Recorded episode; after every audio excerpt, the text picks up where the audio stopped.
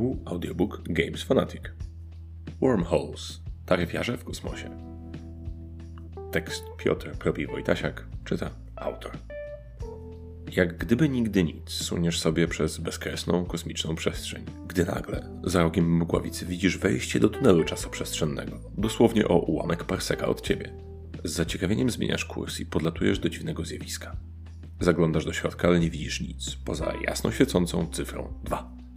Postanawiasz zajrzeć do tunelu i pyk! Sekundę później znajdujesz się w zupełnie innym fragmencie kosmosu. Wow, tak bardzo prędkość, duża frajda, myślisz sobie i od razu zaczynasz rozglądać się za kolejnymi tunelami, by znów poczuć ten międzygwiezdny dreszczyk. To pomysł, który leży u podstaw gry Wormholes i jednej z najnowszych propozycji od Alderac Entertainment Group. Czy w kosmosie jeżdżą żółte taksówki? Portale i kosmiczne podróże w tej weftę. Bardzo fajne, polecam. Czy to wystarczy? Mamy to? Można kończyć recenzję?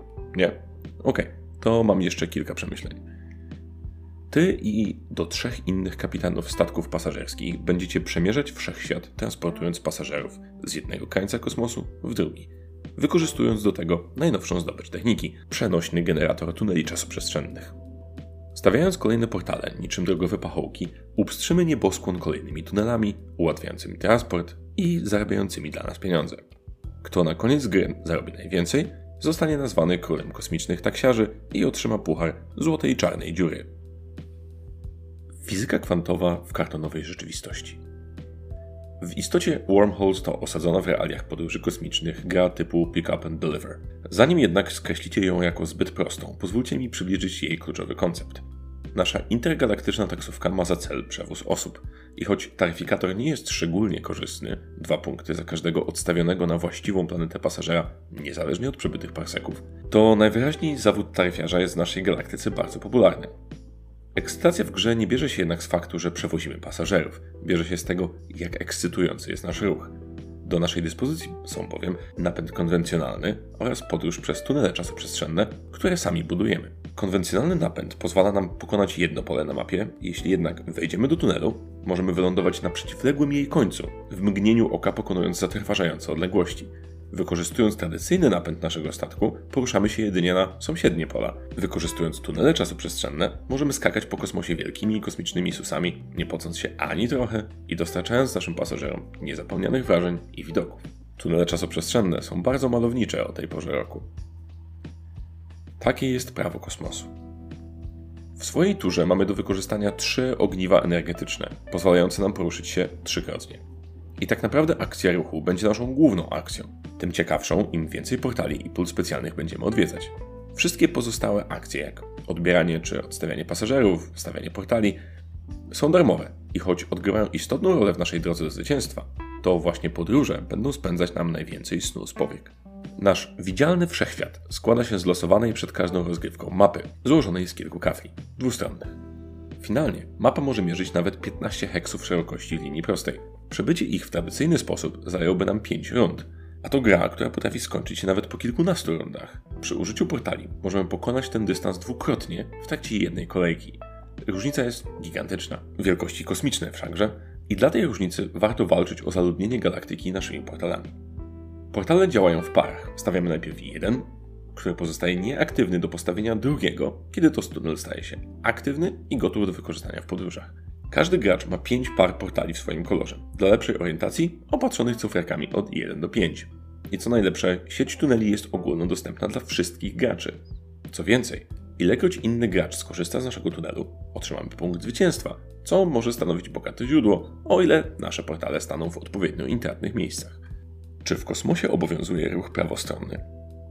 Stawianie portali ma swoje ograniczenia. Na przykład żaden gracz nie może postawić dwóch na orbicie jednej planety, a same żetony portali nie mogą być później przekładane w inne miejsce. Ekonomia ich rozstawiania w przestrzeni będzie za każdym razem inna, zależna od rozkładu interesujących nas planet i od ruchów współgraczy. Adekwatnie do ich działań będziemy więc dokładać nasze cegiełki do budowy wielkiej sieci tuneli. Sieci, której odpowiednie wykorzystanie da nam zwycięstwo. Sieci, która nie wybacza opieszałości i nie daje szansy na naprawienie błędów. Motywacją do ekspansji są karty pasażerów, dobierane na planetach i stacji początkowej. Możemy ich mieć cztery na ręce i przy każdej odwiedzonej planecie możemy pozbyć się dowolnej ich liczby, dobierając w zamian nowe karty, ale tylko raz na rundę. Odrzucone karty mają tę specyficzną właściwość, że lądują we wspólnej, odkrytej przestrzeni, z której korzystać może każdy odwiedzający stację początkową gracz. To przy tej stacji mieści się nasz pierwszy portal, więc zawsze możemy tu szybko i łatwo wrócić. Jedynym warunkiem dobierania kart na stacji jest dobranie kart z najwyżej dwóch różnych planet. Daje to ciekawe możliwości planowania naszej trasy z uwzględnieniem tuneli własnych i tuneli współgraczy. Od pewnego momentu w grze poruszanie się w konwencjonalny sposób nikogo już nie interesuje. Dystanse pokonuje się tunelami, które pokrywają nasz kosmos niczym wielka sieć metra. O co można potknąć się w przestrzeni kosmicznej? Mgławice, dzikie tunele czasoprzestrzenne, działo fotonowe i czarna dziura to pola specjalne na naszej mapie. Dzięki nim zyskujemy dodatkowe możliwości ruchu, jak na przykład darmowy ruch do dowolnego pola w obrębie mgławicy, wystrzelenie się działem fotonowym na dowolną liczbę pól w linii prostej, czy nur w głąb czarnej dziury, która przenosi nas do losowej, determinowanej przez dociągniętą kartę pasażera planety na mapie. W kosmosie są też pola niedostępne, oznaczone ciemniejszym tłem, na których stawać nie wolno, a przez które przedostać możemy się tylko działem fotonowym. Mamy tu także ogromną planetę, której orbita pozwala graczom na stawianie więcej niż jednego portalu. Losowy rozkład tej mapy sprawia, że żadne dwie rozgrywki nie są takie same i każda z nich stawia przed nami nowe wyzwania i nowe możliwości podróży na skróty. Ile sekund ma parsek? Parę? Głównym zarzutem względem Wormholes jest fakt, że gra kończy się dość nagle i dość szybko. I faktycznie, koniec gry następuje w momencie, w którym każda z ośmiu widocznych na mapie planet zostanie obsadzona portalem. Wtedy gracze wykonują jeszcze trzy rundy i taksówki zjeżdżają do bazy na podliczenie punktów. Przy dość dynamicznej rozgrywce, całość spokojnie zamyka się w 45 minutach, no może godzinie przy komplecie graczy, daje to poczucie, że faktycznie Veni, Vidi i szybko wici. Nie miejcie jednak wątpliwości.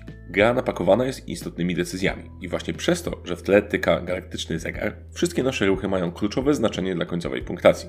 Złe postawienie tunelu, zapędzenie się w odległy kąt galaktyki przy użyciu tradycyjnego napędu, bez portalu powrotnego, czy unikanie podróży tunelami przeciwników to proste recepty na przegraną. Złe zarządzanie ręką czy dobieranie kart pasażerów zainteresowanych dalekimi planetami może być tak samo zdradliwe. Kosmiczna pazerność może nas zgubić. Gildia Kosmicznych Eksploratorów AEG zaraz obok Wormholes wydało The Guild of Merchant Explorers, Gildię Kupieckich Odkrywców. Recenzja jeszcze w listopadzie w Games Fanatic.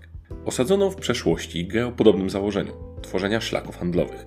I choć obie pozycje oferują odmienny gameplay, to ich rdzenie jest podobny. To gry o tworzeniu połączeń na uprzystrzonej atrakcjami mapie. Czy to galaktyka, czy może i lądy, drapany jest ten sam świąt. Podróży, eksploracji i podboju.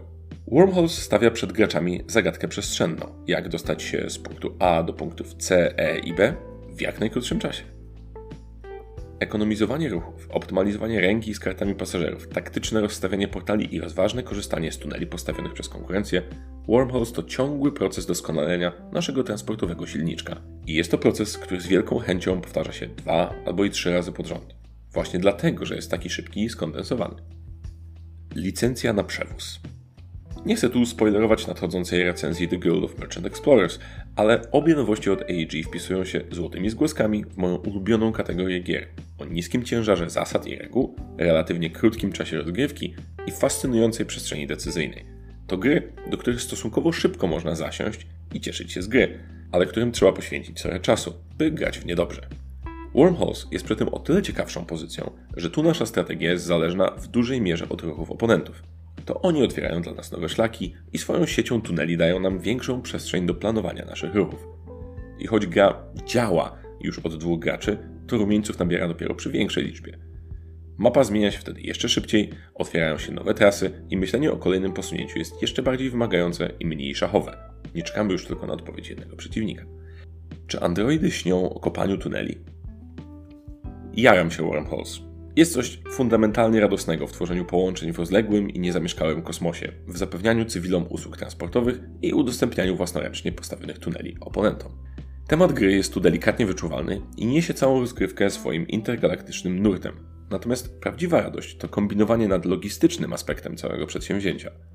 Jeśli więc kosmiczna szata graficzna nie przeszkadza Wam w rozkosznym łamaniu głowy nad siecią połączeń i szlaków, spieszcie do swoich napędzanych wodorem statków. Pasażerowie czekają. Jest to gra dla jednego do pięciu graczy w wieku od 10 lat. Potrzeba około 40 do 60 minut na rozgrywkę. Jej zalety? Niecodzienne podejście do mechaniki pick up and deliver, Ciekawe ujęcie tematyki kosmicznej, bez przynudzania o fizyce kwantowej. Klimatyczna szata graficzna. Minusy. Ozdobniki graficzne na kartach z początku mogą wprowadzać w błąd. Kod i tekst w obcym alfabecie sprawiają wrażenie, jakby były istotne, a są tylko ornamentem. Ogólna ocena 8 na 10, złożoność gry 4 na 10, oprawa wizualna 6 na 10. Po więcej zapraszamy na www.gamesfanatic.pl. Tylko proszę płacić w drobnych, bo nie mamy jak wydać.